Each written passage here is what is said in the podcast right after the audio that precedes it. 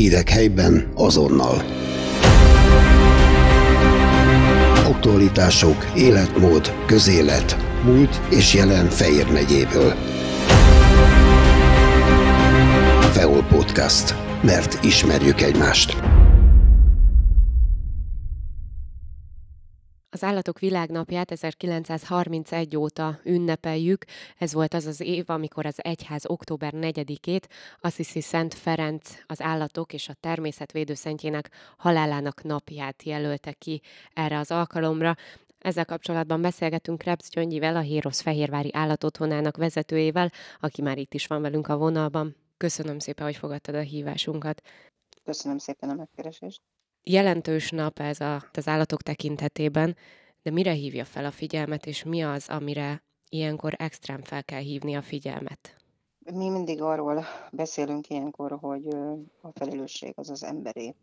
Tehát ezekért az állatokért az ember felelősséget kell, hogy vállaljon, és sajnos tulajdonképpen mindig erről kell a legtöbbet beszélni, hogy az állatoknak a 31 éve alatt nagyon sokféle problémával, kihívással szembenézünk, nagyon sok minden változik, maga a környezet, amiben dolgozunk, az folyamatosan változik, nagyon, nagyon más az állattartás, nagyon más az állattartásnak a kultúrája azóta, amióta mi elkezdtük, de a rászoruló állatoknak a száma sajnos nem nagyon akar változni.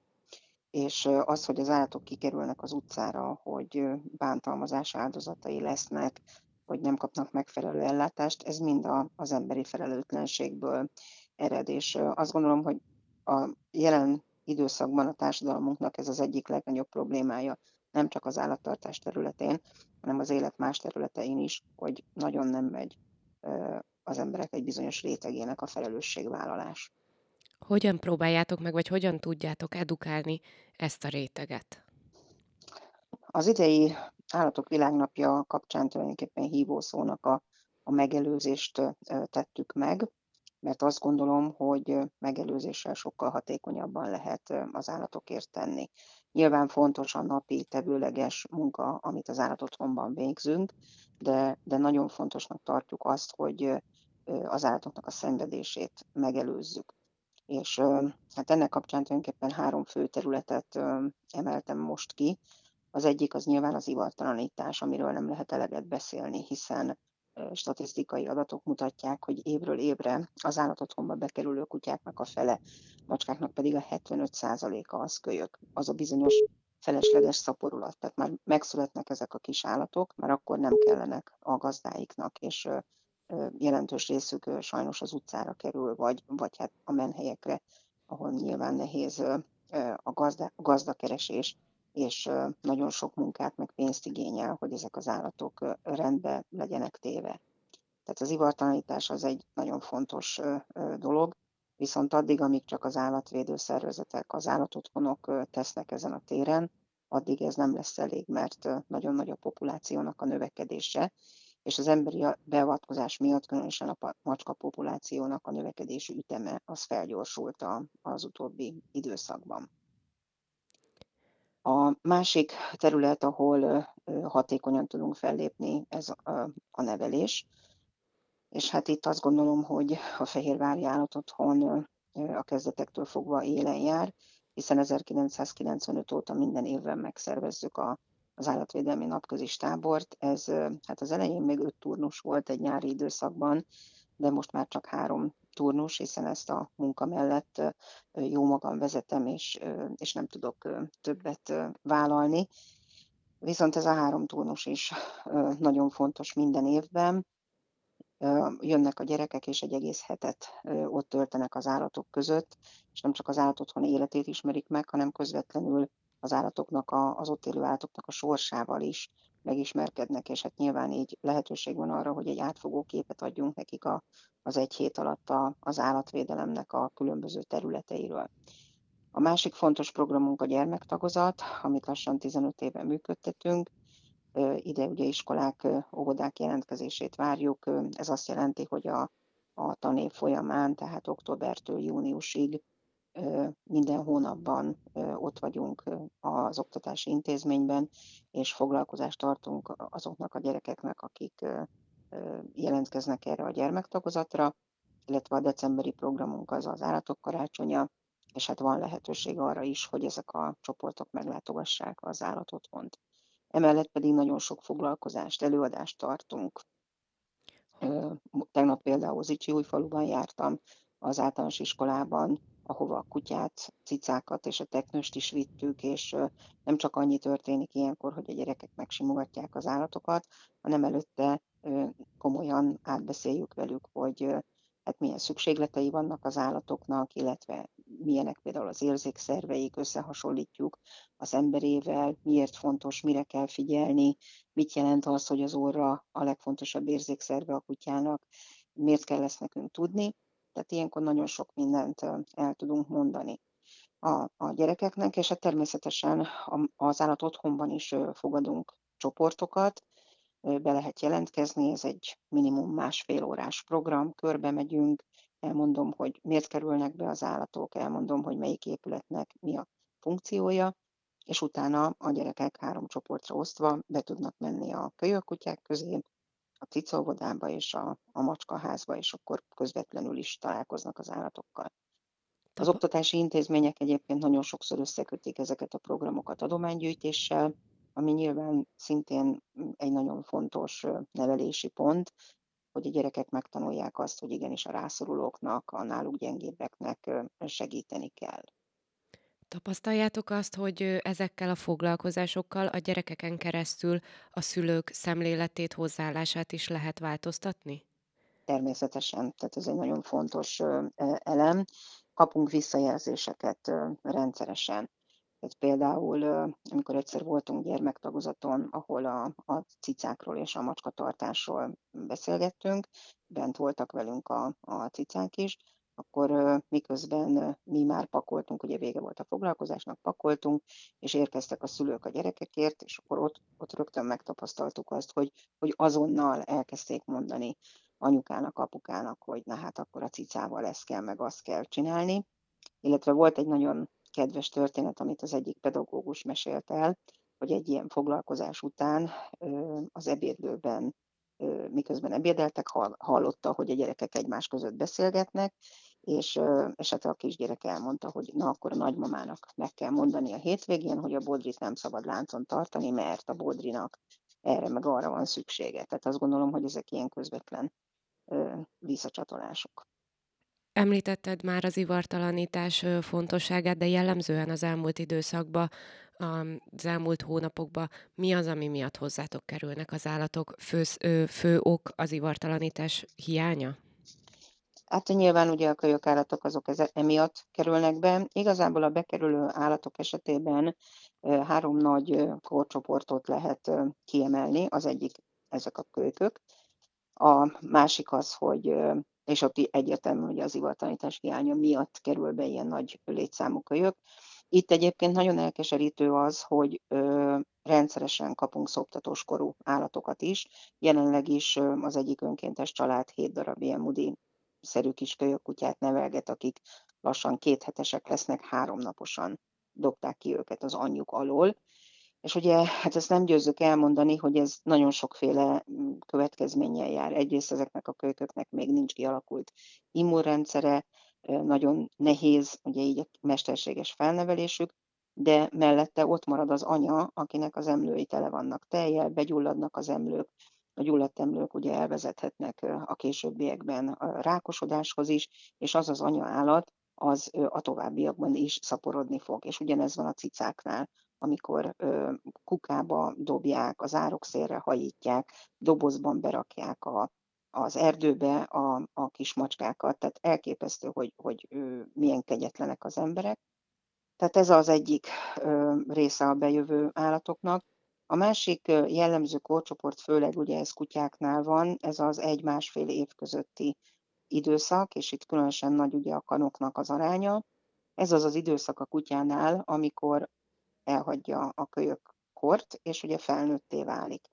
Ez eleve nála is jár mindenféle élettani változásokkal, és hát ugye a kutyák, mint falkában élő állatok számukra nagyon fontos az, hogy ilyenkor meg kell találniuk a helyüket, úgymond a falkában, adott esetben ugye a családban, és sajnos nagyon sokan nincsenek tisztában a kutya viselkedésének az alapjaival, és a kölyök kutyát, ha elkényeztetik, ilyenkor meg már nem olyan cuki az a kiskutya, akinek még megengedték kölyökként az, hogy fölmenjen a kanapéra, vagy bemenjen bárhova, most meg már egyszerre elvárnák tőle, hogy ezeket ne tegye. Ugye nyilván ezt a kutya nem fogja érteni, és hát ebből erednek problémák, és ezek az állatok ilyenkor úgy kerülnek be, hogyha a gazda veszi egyetlen a fáradtságot, hogy behozza, és nem pedig az utcára rakja, hogy, hogy elmondanak róla minden rosszat, hogy ilyen neveletlen, olyan neveletlen, ami egyértelműen nem igaz, hiszen nagyon sokszor elmondjuk, hogy nincs neveletlen kutya,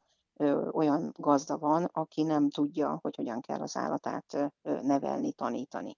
Tehát nagyon fontos az állatoknak az, hogy megfelelő szabályokat alakítsunk ki számukra. Amikor örökbe fogadnak tőlünk állatot, ezt is mindig elmondjuk, hogy az első, amivel tudják segíteni az állatnak a beilleszkedését, az egy napi rend, amihez tud alkalmazkodni az állat, tehát a legfőbb dolgok, amik a kutya számára fontosak, azok mindig ugyanabban az időpontban történjenek. Ez segíti a beilleszkedését, illetve nyilván az, hogy megtanulja, hogy mik azok a szabályok. Tehát nagyon sokan sajnos vannak úgy, ezt tapasztaljuk, hogy azt gondolják, hogy nekik a tökéletes állat kell. Tehát minden tudjon már az állat, amikor hazakerülhet. Ez nyilván nem lehetséges. És ezért van ez, hogy ez az egy-másfél év közötti korosztály is elég nagy számba kerül be. A harmadik pedig az idős állatoknak a, a köre, Sajnos Magyarországon eléggé jellemző az, hogyha egy állat idős lesz, akkor fogják és lecserélik, de ezt szó szerint kell érteni, tehát vesznek egy fiatal, vagy örökbe fogadnak egy fiatal állatot, és akkor viszont az idősnek már nincsen becsülete. Ezt ugye nagyon nehezen értjük meg. Nem, nem értjük azt, hogy hogy nem alakul ki kötődés egy 8-10 éve tartott állattal, és hát egyáltalán mi, micsoda hozzáállás ez, hogy, hogy az az állat, aki addig tényleg ott volt az ember mellett, és egy csomó mindent adott az embernek, egyszer csak úgymond feleslegessé válik, tehát ez felfoghatatlan számunkra. De igazából megint csak ki lehet vetíteni a, az élet egyéb területére, hiszen hogyha megnézzük azt, hogy az idős emberekkel bizonyos emberek hogyan bánnak, akkor hát az sem, az sem egy túl jó kép. És hát ezek az idős állatok ugye nagyon sokszor betegek, vagy kialakulhatnak betegségeik, főleg, hogyha adott esetben nem jók a tartási körülmények, és hát nagyon sokszor a betegség az oka annak, hogy, hogy utcára teszik, hogy ja, hát öreg is, meg beteg is, akkor már nem költünk rá. És az, azt gondolom, hogy egy nagyon, nagyon aggasztó hozzáállás, és nyilván a, az oktatási programokkal ezek ellen is próbálunk tenni, hiszen a, az oktatási programok azok nem csak a gyerekek részére szólnak, hanem nagyon sok szemléletformáló kezdeményezésünk van, amelyek kifejezetten a, a felnőtteknek szólnak, mert nyilván a gyerekeken keresztül lehet hatni a felnőttekre, de kell az is, hogy direktbe is ö, ö, tudjunk rájuk hatni. Hogyan zajlik nálatok az örökbefogadási folyamat, akár onnantól kezdve, hogy valaki jelentkezik? Hát ugye az állataink azok a Facebook oldalon megtekinthetők, ott van egy külön album a gazdakereső kutyáknak, egy külön album a gazdakereső cicáknak. Hát ugye a Facebook jellegéből adódóan ott egy fénykép jelenik meg róluk, és ott van a leírás, hogyan került be, miként került be, mi az, amit mi tapasztaltunk róla, a kora, ivara, van-e ivartanítva, stb. Ugye azok az állatok, akiket mi örökbefogadásra ajánlunk, ők már a karanténidőt letöltötték, az oltási programjuk az készen van, és hat hónapos kor fölött mindenkit ivartalanítunk. Ugye a kölyköknél pedig ivartalanítási kötelezettség van, tehát ezt, ezt mindenkinek tudnia kell. Olyan embernek nem adunk ki állatot, aki elzárkozik az ivartalanítás elől. És hát, ha valakit így választott ki egy állatot, akkor az is jó, de, de az is jó, hogy egyszerűen csak megfogant benne ugye maga az elképzelés. A lényeg az, hogy időpontot kell foglalni a Facebook oldalon, mert így azzal a, a családdal, vagy azzal az emberrel, aki szeretne örökbefogadni, akkor abban a fél órában célzottan tudunk foglalkozni. És hát gyakorlatilag ki kell jönni, tehát ez egy nagyon fontos dolog, hogy csak személyesen van örökbefogadás, ez nincs olyan, hogy meg kinézett valaki egy kutyát, és akkor nem tudom, tehát van olyan néha, hogy akkor vigyük el neki. Ilyet nem csinálunk. Nyilván az sem lenne rossz, hogyha lenne arra időnk, emberünk, pénzünk, stb., hogy, hogy előzetesen minden helyet, ahova egy állatunk kerülne, azt leellenőrizhetnénk, de hát ez még egyelőre nem áll fenn ez a lehetőség. Nyilván bizalmat szavazunk mindenkinek, aki szeretne örökbe fogadni, és nem is kell az első látogatáskor egyébként rögtön elvinni állatot, tehát ki lehet jönni, lehet ismerkedni, akár több alkalommal is. Ha van konkrét kiválasztott, akkor ugye a macska ház és a cica óda az olyan, hogy oda be lehet menni az állatok közé.